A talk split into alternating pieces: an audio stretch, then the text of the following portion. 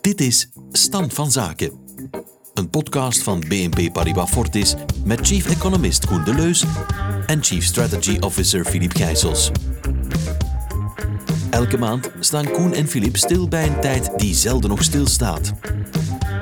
Wat valt hen op en wat houdt hen bezig in onze wereld die niet stopt met veranderen? En wat betekent dat voor de economie, voor de markten en voor jou? Koen en Filip overlopen het met host Francesca van Tielen. Dag Koen, dag Filip.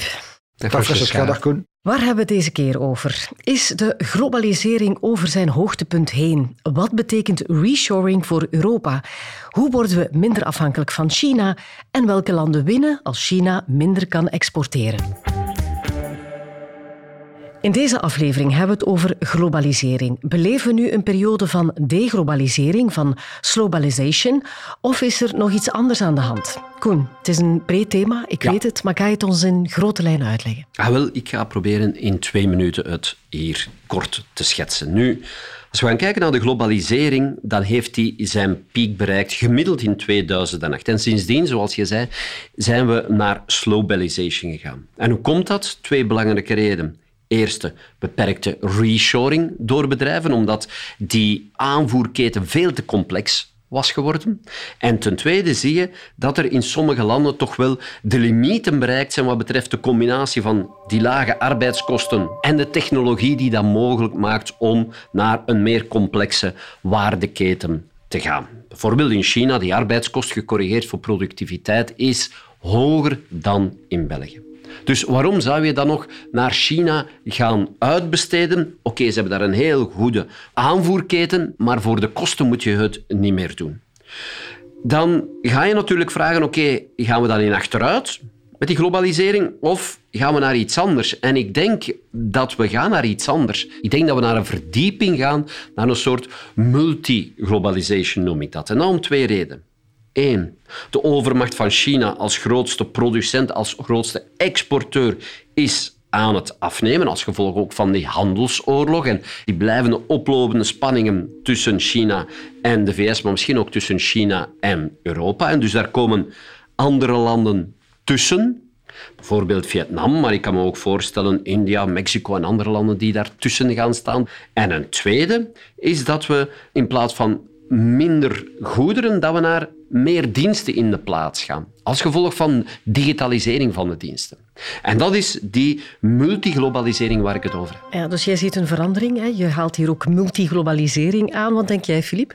Dat het uh, veel meer dan twee minuten was, natuurlijk. Maar dat, uh, dat zal niet te veel Koen ook uh, wel een paar zinnige dingen zegt, zoals gewoonlijk. Nu, ik denk dat het belangrijk is om te zien dat globalisering eigenlijk in golven gaat. Hè. We hadden een grote golf voor de wereldoorlogen. En dan natuurlijk tijdens de wereldoorlogen valt het een beetje stil. Want als je aan het vechten bent, ja, dan heb je iets minder tijd en zin in handel waarschijnlijk. en dan de laatste grote globaliseringsgolf die we gezien hebben, moeten we situeren ergens halverwege de jaren tachtig, met Reagan en Thatcher. De val van de Berlijnse muur, China dat in de Wereldhandelsorganisatie komt, dus de wereld die open gaat. En wat je dus nu ziet, is voor een stuk het omgekeerde, hè, dat de wereld voor een stuk terug op slot gaat. En na de Tweede Wereldoorlog was natuurlijk Amerika de enige supermacht. Je had een unipolaire wereld, alles draaide rond de Verenigde Staten. En nu zie je toch landen die dan toch op het wereldtoneel een groter stuk van de taart willen gaan opeisen. Ja, en dan ga je natuurlijk naar een wereld die misschien bipolair of zelfs multipolair is. En dat is een heel andere omgeving en dat gaat natuurlijk ook enorme investeringsimplicaties hebben. Ik hoor jullie zeggen dat globalisering zoals we die nu kennen op zijn return is. Uh, Koen, jij zei daarnet dat dat al in 2008 is ingezet. Ja, in 2008, maar dat is gemiddeld. Dus je hebt bepaalde landen waar die piek in de handel van goederen 2005 was, de andere 2010. Gemiddeld komt dat per ongeluk uit op 2008. En per ongeluk valt dat dan weer samen met de grote financiële crisis, waardoor dat veel mensen zeggen, ja, maar dat is de grote financiële crisis die dat gedaan heeft. Dat is niet zo. Nu, daarna zie je inderdaad die slowbalization, een vertraging. En ja, dat heeft dan te maken met drie elementen. Eén, limieten zijn bereikt voor de handel van goederen. Je kan goederen blijven verhandelen, maar als het niet meer efficiënt is, ja, dan stop het. Ten tweede heb je daar twee schokken. De eerste schok was dus de Amerikaans-Chinese handelsoorlog, die vandaag nog altijd doorgaat. En ten tweede heb je dan ook nog COVID-19 gehad. En dat heeft duidelijk gemaakt dat zo'n heel complexe aanvoerketen dat dat toch wel riskant is. En hoeveel minder geglobaliseerd is de wereld dan sinds 2008? Heb je daar cijfers van? Ja, als je gaat kijken tussen 2001 en 2008 is er sprake van hyperglobalisatie. Dus dan had je een groei van de wereldhandel van bijna 6% En dat gaf dus een duw in de rug van de economie, globale economie. En dan zie je tussen 2013 en 2017, ik ga dan de covid- en de handelsoorlog eruit nemen, maar gewoon te laten zien dat er toen ook al een vertraging was, zie je dat je ging naar een groei van 2,8 procent. Dus tussen 2001 en 2008 kreeg de economie een duw in de rug als gevolg van globalisatie. En tussen 2013 en 2017 vertraagde eigenlijk die globale handel de globale economische groei. Maar het is wel zo dat de globale handel in goederen afneemt, maar de globale handel in diensten neemt toe. Ja, vandaar dus die multiglobalisatie waar ik het over heb. Nu, je mag dat niet onderschatten, want als je gaat kijken naar het opkomend belang van die diensten, dan zie je in 1990 was dat 9% van de wereldwijde handelsstroom. 2008 was dat 12%, maar vandaag is dat 20%. Er is dus een versnelling. En ik heb de indruk dat die versnelling te maken heeft met de digitale revolutie die we meemaken. Je ziet dat vandaag hologrammen en dergelijke meer, dat dat allemaal al mogelijk is. En dus ik denk dat we maar aan de beginfase staan van die globalisering van diensten. En dan gaan er natuurlijk ook weer nieuwe landen daar omarmd worden. Ik denk maar aan India, waar je toch wel heel veel IT'ers en heel veel digitale technologie hebt. Ja, een hologram van Filip Gijsels. Filip, dan kan je nog meer lezingen geven. Ja, misschien uh, niet zo'n goed idee, maar goed. Uh, als het klopt wat Koen zegt, en dat is vaak het geval, ja, dan heeft dit ook wel investeringsimplicaties. Hè, want dat is inderdaad die maakindustrie alleen maar lokaler wordt en, en dan die diensteneconomie globaler, wel ja, dan, als je naar die maakeconomie kijkt, dan ga je toch proberen die efficiëntie te behouden. Dat wil zeggen dat je waarschijnlijk heel veel gaat investeren in robotics, 3D-printing, artificiële intelligentie en dergelijke. Dat zal alleen maar belangrijker worden. Alles wat te maken heeft met energiezuinigheid zal ook heel erg belangrijk worden, want dat is dan net iets waar je kan op gaan winnen op gebied van uh, concurrentiekracht met het buitenland. Nu, die diensten is misschien nog iets complexer. Ik zou daar toch een onderscheid maken tussen wat ik dan globale en lokale diensten zou noemen. lokaal horeca en zorg, ja. dat is nu niet zo gemakkelijk uit te besteden naar India. Uh, andere dingen, ja, zoals India en de IT, dat eventueel wel. Dus ja, investeren dan in callcenters of bedrijven die daarmee bezig zijn, zou misschien wel eens interessant kunnen zijn. Nu, het is een heel breed onderwerp, dus kunnen ik zo daar eens ooit een boek over schrijven, zeker. Maar het is duidelijk dat we heel grote veranderingen gaan zien. Waar gaan bijvoorbeeld de digital nomads naartoe? Want iedereen wil die voor een heel groot stuk natuurlijk gaan aantrekken. Hoe gaan de arbeiders, ja, die hun job geïmpacteerd wordt door het hele verhaal, zichzelf heruitvinden? Hoe gaat het onderwijs zich daaraan aanpassen? En ook iets wat me heel sterk bezighoudt, welke steden, plaatsen, regio's gaan hiervan profiteren? Want ja, als, als je dat natuurlijk kan doen, dan gaat dat ook weer een positieve impact hebben op je vastgoed bijvoorbeeld. Ja, er is dus heel veel raakvlakken en dingen die hier samenkomen.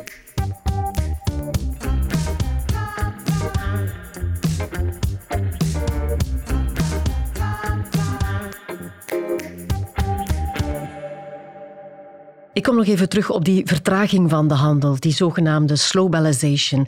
Die is niet alleen toe te schrijven aan de handelsoorlog met China, neem ik aan. Nee, dat was al veel vroeger dat dat gebeurde.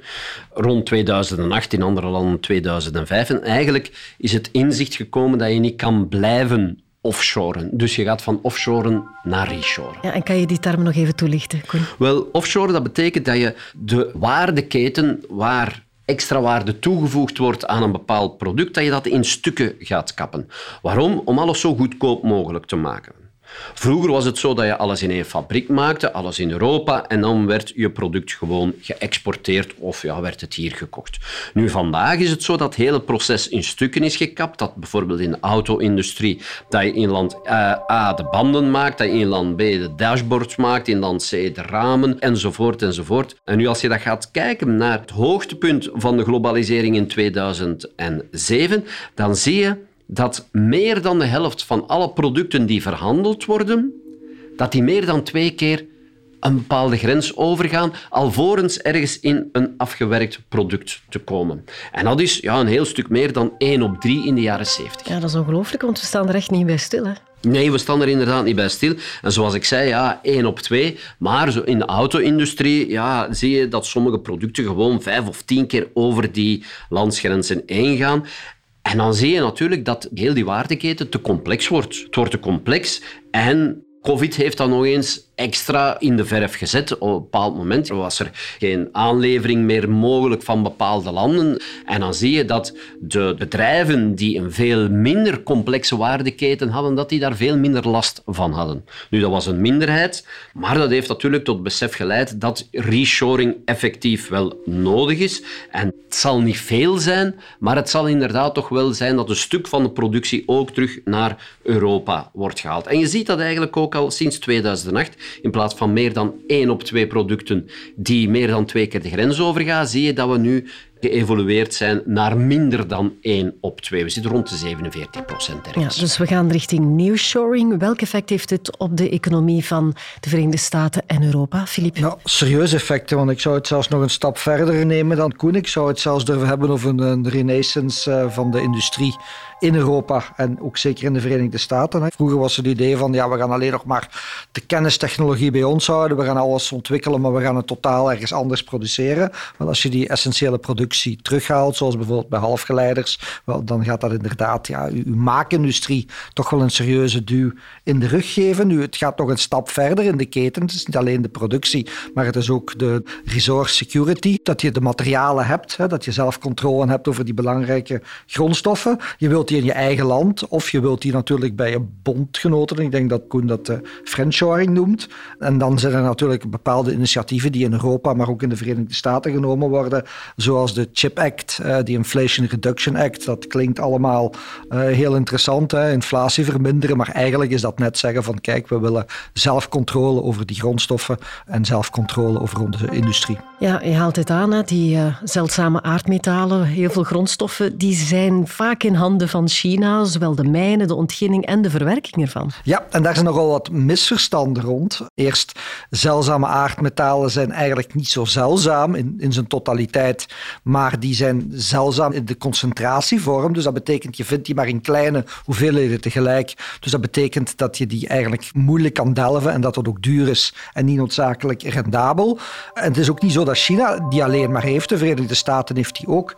Tot ergens in de jaren 70 waren de Verenigde Staten toonaangevend op het gebied van die materialen. Maar omdat dat niet meer efficiënt en rendabel was, hebben ze dat eigenlijk volledig naar China laten gaan. En China heeft daar waarschijnlijk het strategische belang sneller in gezien dan de Verenigde Staten of de rest van de wereld. Ja, maar ondertussen is bij ons wel het besef gegroeid dat we niet al te afhankelijk mogen zijn van landen zoals China. Ja, absoluut. En ik denk dat daar een heel belangrijk punt is. Dus die industrie gaat voor een stuk terugkomen. Nu, dat heeft ook weer implicaties natuurlijk voor de winstgevendheid eh, van de bedrijven, want we hebben altijd jarenlang ingezet op just in time. Covid heeft ons geleerd dat het misschien just in case moet worden, van misschien moet er een bepaalde redundancy ingebouwd worden in het, proces, dat je zegt ik ga niet echt efficiënt zijn, maar ik ga zien dat ik heel zeker ben dat ik al mijn grondstoffen en mijn toelevering heb. Nu, dat gaat ook weer impact hebben op de winstgevendheid van de bedrijven. Want als je natuurlijk efficiëntie iets minder belangrijk wordt, ja, dan zouden de marges van een aantal bedrijven wel eens onder druk kunnen komen.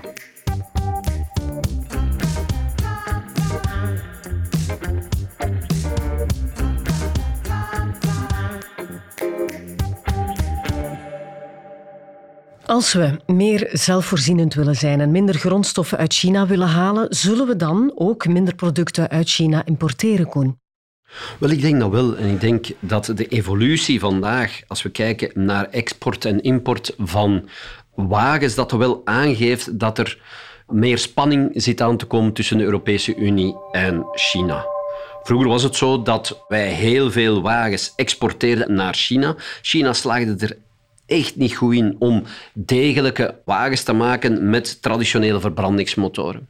Maar waar slaagt China wel heel goed in, dat is in het maken van die elektrische wagens. En daar zie je dat die met miljoenen uitrollen uit die fabrieken en dat je in Europa eigenlijk iets te trage opschaling hebt voor de productie van die elektrische wagens. En dat dus, dat je vandaag ziet dat Chinese wagens een stuk van de Europese automarkt aan het veroveren zijn. Nu, dat kan gaan tot een bepaald moment dat ja, een bepaalde uh, Duitse fabriek of een Franse fabriek moet sluiten en dat er mensen ontslagen worden. En dan ga je natuurlijk zien dat de Franse of Duitse politici op hun achterste poten staan. En dan gaat het veel moeilijker worden om die elektrische wagens, die vroeger gesubsidieerd werden, om die nog naar Europa te laten komen. Ik voel daar toch een broeiend probleem en nieuwe landen gaan daartussen moeten komen om dat probleem te temperen. En over welke landen gaat het dan? Wel, dan denk ik aan andere groeilanden, aan andere ontwikkelingslanden die dan in die multiglobalisatie worden opgenomen. En dan denk ik aan Vietnam, Mexico, Taiwan, Maleisië, Zuid-Korea en heel veel andere. En naar welke landen moet je dan als onderneming gaan? Wel, je kan gaan kijken waar ze meer dan gemiddeld exporteren, in welke sectoren ze meer dan gewild actief zijn. En dat kan bijvoorbeeld zijn in elektronica, of in bouw van machines, of in bouw van voertuigen of textiel.